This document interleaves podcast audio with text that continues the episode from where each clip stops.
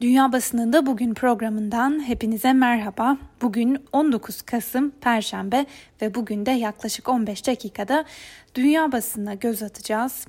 Bugün bir kez daha Amerikan basınıyla başlayalım. İlk gazetemiz New York Times gazetesi olacak. Gazetenin bugün en önemli haberlerinden biriyle başlayalım. John Hopkins Üniversitesi'nin verilerine göre ABD'de koronavirüsünden hayatını kaybedenlerin sayısı tam 250 bini geçti. Çeyrek milyon Amerikalı salgın nedeniyle hayatını kaybetti sözleriyle aktarılan habere göre ABD dünyada koronavirüsü kaynaklı ölümlerin en fazla olduğu ülke konumunda. Koronavirüs görev gücünün başındaki isimlerden biri olan Dr. Anthony Fauci'nin Mart ayında öngördüğü sayıları aşan bu ölüm oranları ile karşı karşıya olan Amerika'da uzmanlar önümüzdeki süreçte ABD'de günde 2000 kişinin Covid nedeniyle hayatını kaybedebileceğini de e, tahmin ediyorlar. Washington Post gazetesinin de gündeminde bu haber var. Vaka sayılarının 11,5 milyonu geçtiği ABD'de 250 binden fazla kişi hayatını kaybetti. Ancak gazeteye göre çok fazla insan hayatını kaybetse de ufak tefek önlemler ve değişiklikler yapılıyor. Ee, pek çok Amerikalı nerede yaşarlarsa yaşasınlar salgın yüzünden hangi acılarla karşılaştılarsa da Covid-19 ile ilgili algılarını değiştirmiyorlar.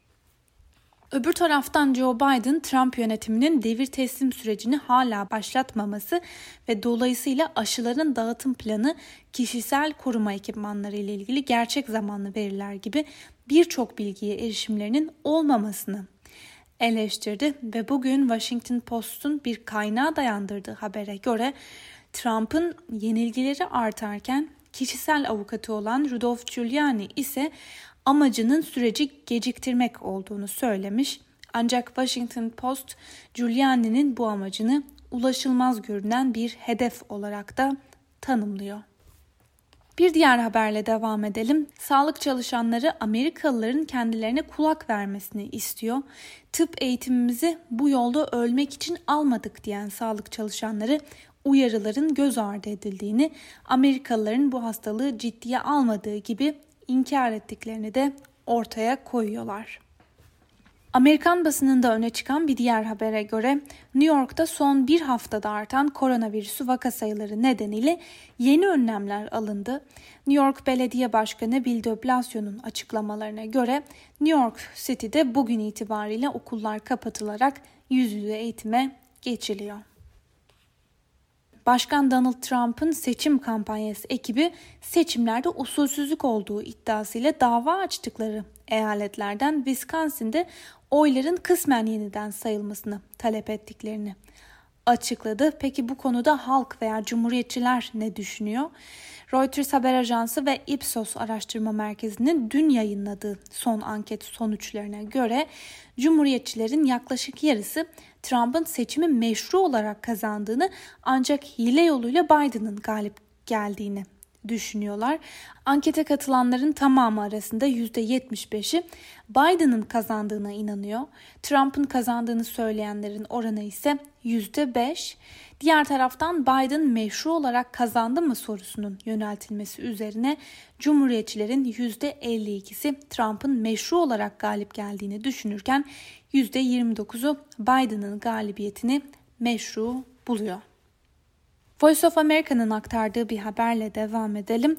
Dağlık Karabağ krizi ve İslam laiklik tartışmalarının da eklenmesiyle son haftalarda gerilimin daha da arttığı Türkiye-Fransa ilişkilerinde Fransa bir adım daha ilerleyerek 11 Aralık'ta Brüksel'de yapılacak Avrupa Birliği Liderler Zirvesi'nde Türkiye'yi ekonomik yaptırım konusunu masaya getirmeye hazırlanıyor.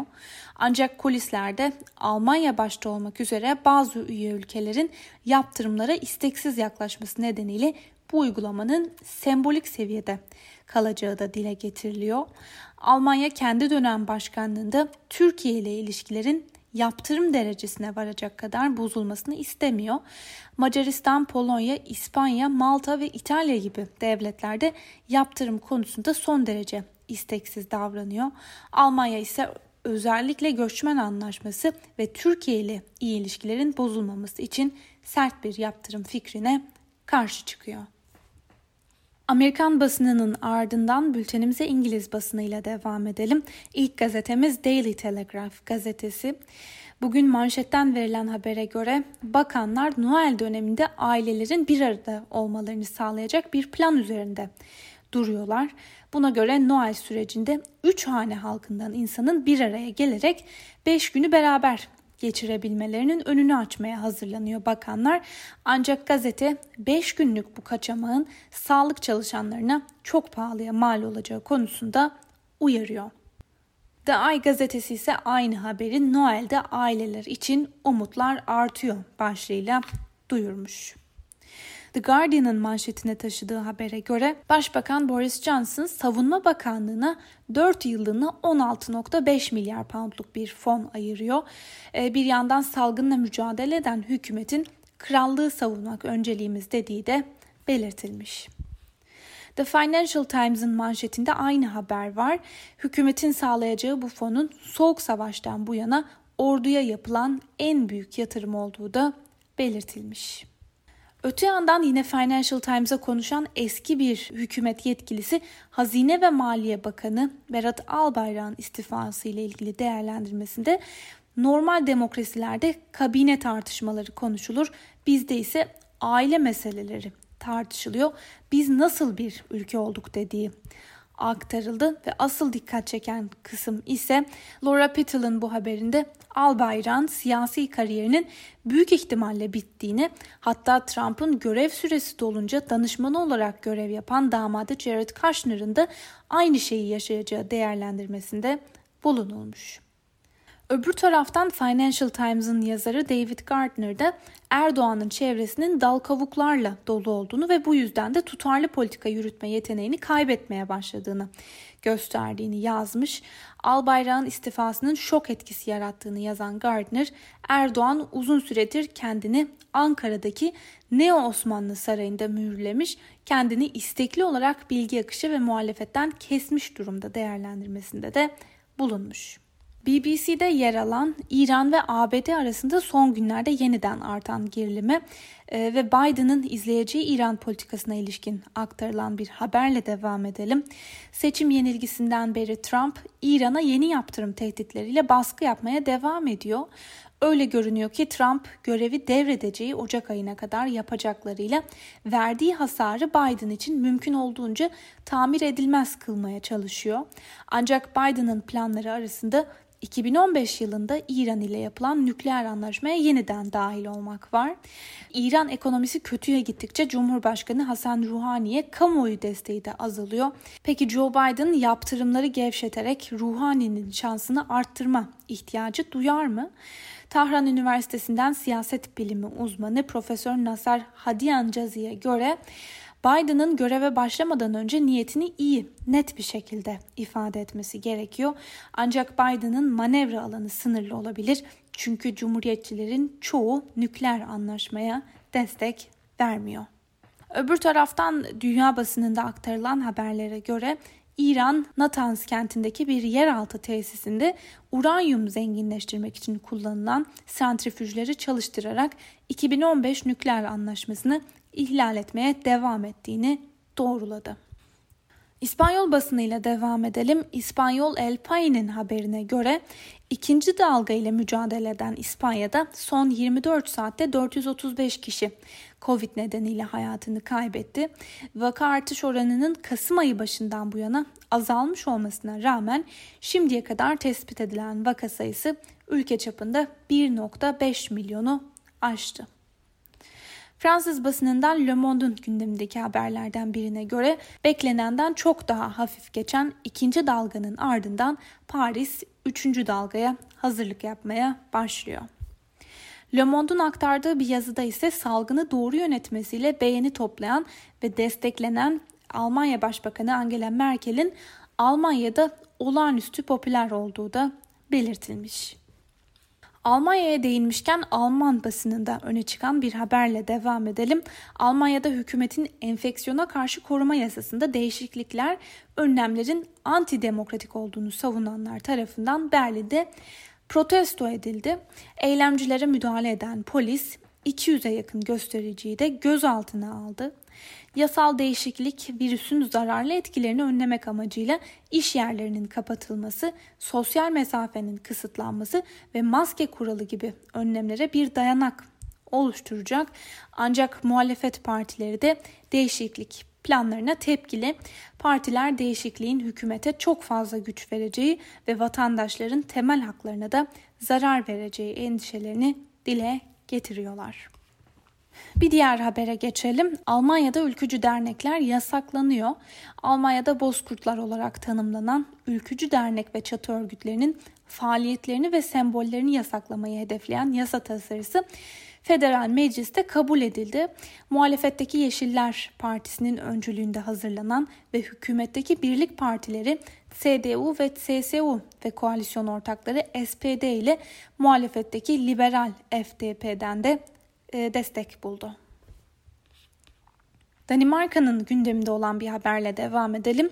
Danimarka'da Kasım ayı başında yeni tip koronavirüsün vizonlarda mutasyona uğradığı gerekçesiyle vizon çiftliklerinde bulunan yaklaşık 17 milyon vizonun öldürülmesine karar verilmişti.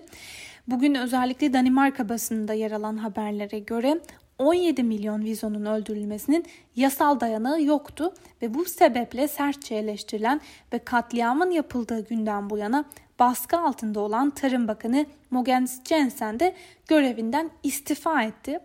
Öbür taraftan Danimarka'da yayın yapan The Local'a göre siyasi partiler 2020 yılından itibaren kürk üreten vizon çiftliklerinin tamamen kapatılması yönünde ortak karara vardılar. Moscow Times'ta öne çıkan bir haberle devam edelim.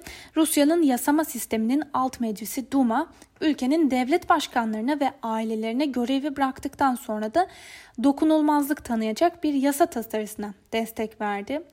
Vatana ihanetten suçlu bulunmaları dışında devlet başkanlarının dokunulmazlıkları kaldırılamayacak. Euronews'un haberine göre parlamentonun birinci kanadı Duma'da ilk okuması kabul edilen tasarının yasalaşmasına da kesin gözüyle bakılıyor.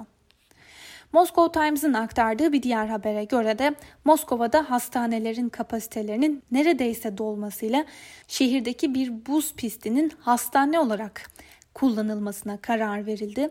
Sağlık çalışanlarının burada mücadele etmeye devam edeceği belirtilen habere göre Moskova sağlık sistemi üzerindeki baskının azaltılması amacıyla koronavirüs hastalarını tedavi etmek için derme çatma ek binalar ve hastaneler inşa etmek için harekete geçmiş durumda. Dağlık Karabağ gündemine ilişkin iki farklı yoruma göz atalım. Dağlık Karabağ'daki ateşkesin ardından Ermenistan pazar günü Azerbaycan'a ilk e, bir bölgeyi teslim etmek zorunda.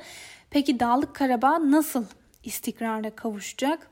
Rus radyo komersanta göre Ermeniler ateşkes koşullarını bir yenilgi olarak gördüklerinden Başbakan Nikol Paşinyan'ın istifasını istiyor.